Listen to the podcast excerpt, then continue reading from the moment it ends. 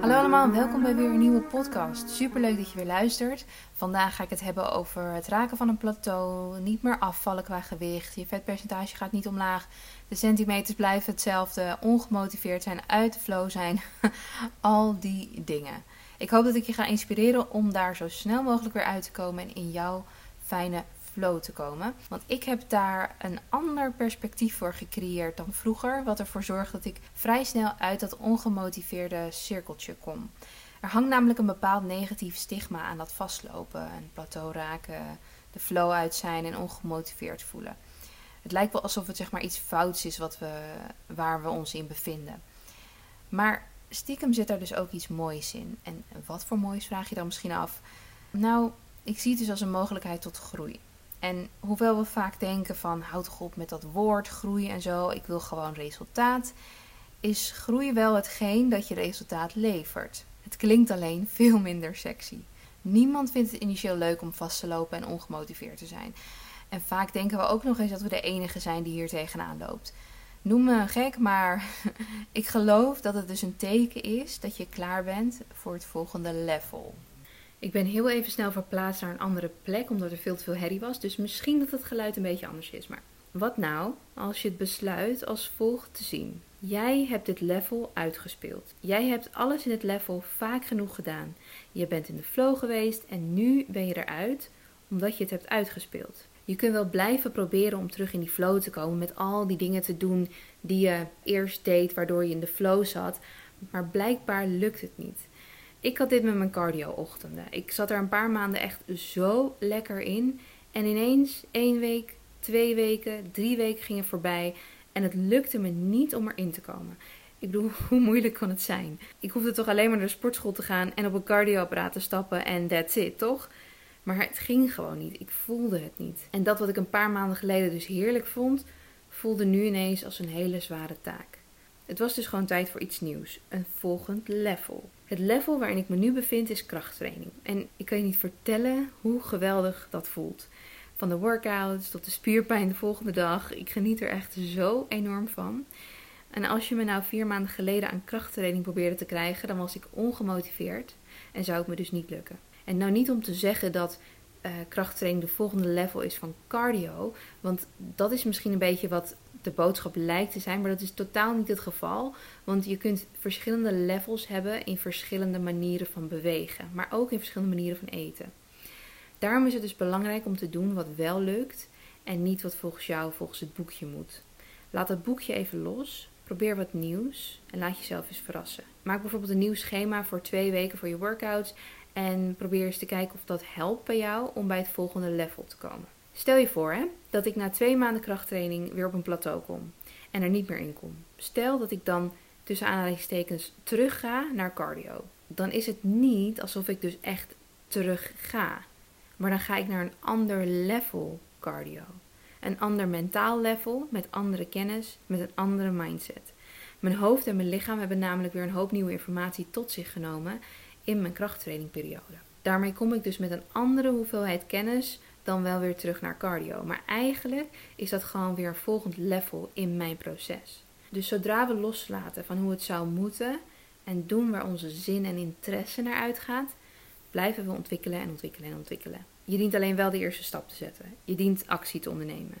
Als je het niet probeert, kom je er ook niet achter of iets wel of niet lekker voelt. En misschien heb je het al een beetje door, maar op het moment dat het ene gewoon niet lukt, dat je er geen motivatie voor voelt, als je dus besluit om even iets nieuws te doen, is dat netto gezien, tussen aanhalingstekens, uiteindelijk dus toch weer pogingen tot, toch weer beweging, toch weer actie, toch weer um, in een bepaalde flow van verandering komen. Nou, wat bedoel ik daarmee? Al die tijd dat je ongemotiveerd bent, heb je stilgezeten en heb je constant geprobeerd terug te gaan binnen dat level wat je eigenlijk al hebt uitgespeeld. Je probeert, je probeert, je probeert, maar eigenlijk heb je het dus al uitgespeeld. Eigenlijk moet je naar iets anders toe om daar weer nieuwe kennis, nieuwe motivatie, nieuwe inspiratie te vergaren.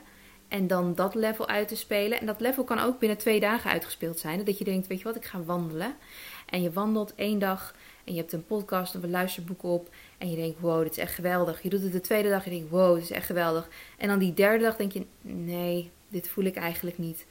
En we zijn zo geneigd om dan te balen en te denken: zie je wel, ik hou ook niks vol. En het is ook irritant allemaal. En, en waarom kan ik niet gewoon doorzetten? Terwijl eigenlijk heb je dat level gewoon uitgespeeld. Jij hebt eruit gehaald die twee dagen wat nodig was om in beweging te blijven. Dat is namelijk wat belangrijk is. Daarna is je spanningsboog gewoon over, is gezakt, eh, interesse is er niet meer naar, is het tijd voor iets anders. Terwijl als je die twee dagen stil had gezeten, omdat je dacht, ja, stel dat je daarvoor cardio deed en je probeert die twee dagen cardio te doen, het lukt niet, het lukt niet, het lukt niet, dan was de drempel veel hoger die derde dag om dan nog eens iets te doen, omdat het gevolgd wordt door twee dagen inactief zijn.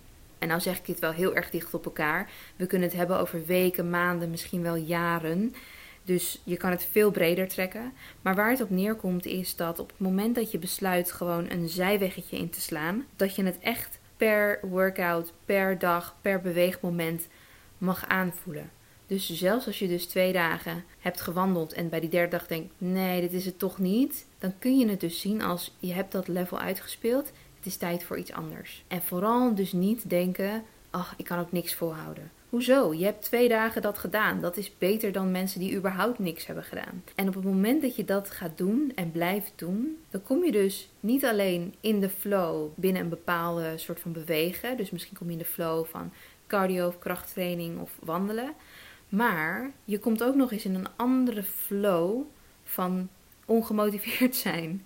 Het klinkt een beetje gek. Je komt in de flow van op het moment dat je, dat je het niet meer voelt, dat je een plateau hebt, dat je iets anders probeert. En dat is een hele nieuwe soort van flow.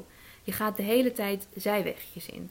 En die zijweggetjes zijn allemaal leermomentjes. Ik kwam een keer per ongeluk op een ander level waarvan ik niet had gedacht dat ik het nodig had.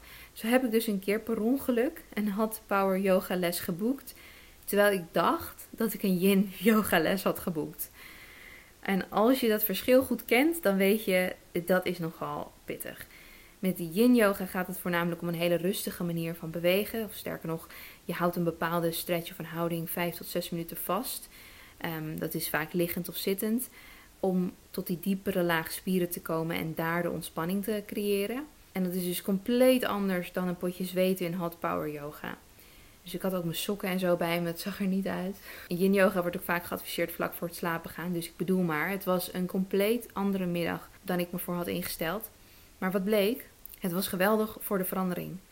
Het was pittig, maar geweldig om die nieuwe boost te krijgen. En deze keer had ik er dus niet zelf voor gekozen, maar ik leerde er wel iets van. Soms moet ik mezelf even compleet iets nieuws laten proberen, ook als ik geen idee heb of het wel bij me gaat passen. Dat is namelijk, naar mijn idee, de enige manier om te flowen tijdens je plateaumomenten. En dat is die andere soort flow waar ik het net over had. En dat flowen tijdens je plateaumomenten is echt een kunst die jij ook kunt leren. Het is dus nu tijd voor jou om de lessen die je hebt geleerd met je mee te nemen naar het volgende level. Weer een stap dichterbij jouw succesverhaal. Want wat je vaak niet hoort, is dat succes de som is van hoe vaak je hebt gefaald of hoe vaak je hebt geplateauwd. Knoop het alsjeblieft in je oren, want hoe eerder je dit gelooft, begrijpt en inziet, hoe eerder je dus zult flowen door de faalmomenten heen. Al vind ik dat woord van, van falen niet echt passend, Ehm, kan ik je wel een vergelijking geven met je spieren. Kijk, om je spieren op te bouwen, dien je ze te trainen, toch? Je kunt niet elke keer op hetzelfde level blijven trainen, want je spieren blijven dan waar ze zijn. Je dient zwaardere gewichten te gebruiken of meerdere reps te doen. Nou, wat gebeurt er dan? Er komen hele kleine scheurtjes in je spieren. Dat is dus waar je de volgende dag spierpijn van voelt. En weet je hoe die scheurtjes van spieren worden genoemd? Dat wordt muscle failure genoemd. Inderdaad, dus het falen van je spieren.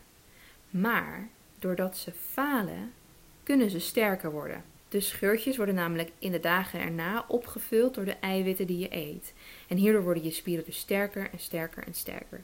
Elke keer kun je dus meer aan. En ga je dan door tot je je spiertjes weer scheurt, muscle je dus, dan heb je de volgende dag weer spierpijn. Eet je voldoende eiwitten zodat de scheurtjes weer worden gedicht, dan zijn je spieren een paar dagen later weer sterker en klaar voor het volgende level. Dit is dus ook precies hoe het ook op andere vlakken in het leven gaat. We hebben alleen gek genoeg iets heel anders geleerd, wat ons tegenhoudt om de situatie van falen eigenlijk als iets heel positiefs te zien. Dus zie dit als jouw teken om het falen, tussen aanhalingstekens, of het plateau waar je op bevindt, als iets positiefs te zien. Jij bent namelijk nu klaar voor het volgende level. Schreef je op voor een nieuw soort les, probeer een aparte online workout uit. Ik zal even in de notities onder de podcast een lijstje samenstellen met wat leuke aparte nieuwe YouTube workouts die je misschien wel op gang brengen. Het is echt even als je deze podcast luistert en denkt: ja, dit is wat ik moet doen, maar hoe moet ik het doen? Gewoon even een paar linkjes hieronder om je op weg te helpen. Het zijn wat simpele tools, maar het is gewoon voor de mensen die echt even niet weten wat ze dan zouden moeten doen. En als je op zoek bent naar plateau doorbreken met voeding, dan kan mijn programma Body Boost je daar hopelijk bij helpen. Het is een twee weken programma met een voedingsschema dat je alleen maar dient op te volgen. Je hoeft dus zelf niet na te denken over wat te eten, hoeveel, wanneer, etc. Het staat allemaal voor je uitgeschreven met boodschappenlijstjes en wissels voor eetmomenten die je eventueel niet lekker vindt of iets anders wilt. Even afhankelijk van wanneer je deze podcast luistert. De eerste ronde begint op maandag 30 november 2020. En je kunt het programma nog tot zondag 29 november vlak voor middernacht aanschaffen om maandag mee te doen. De tweede ronde zal in januari 2021 zijn. En alle informatie vind je ook in de beschrijving of op tennisstepanossian.com slash body-boost. Ik hoop dus dat ik je kan helpen met een eventueel plateau qua voeding met bodyboost. En ik zou hoe dan ook willen zeggen, je bent klaar voor het volgende level. En bij het volgende level hoort iets nieuws. Hoe sneller je focust op iets nieuws, hoe sneller je weer zult flowen en resultaten zult zien. Bedankt voor het luisteren, lief allemaal, en tot de volgende podcast.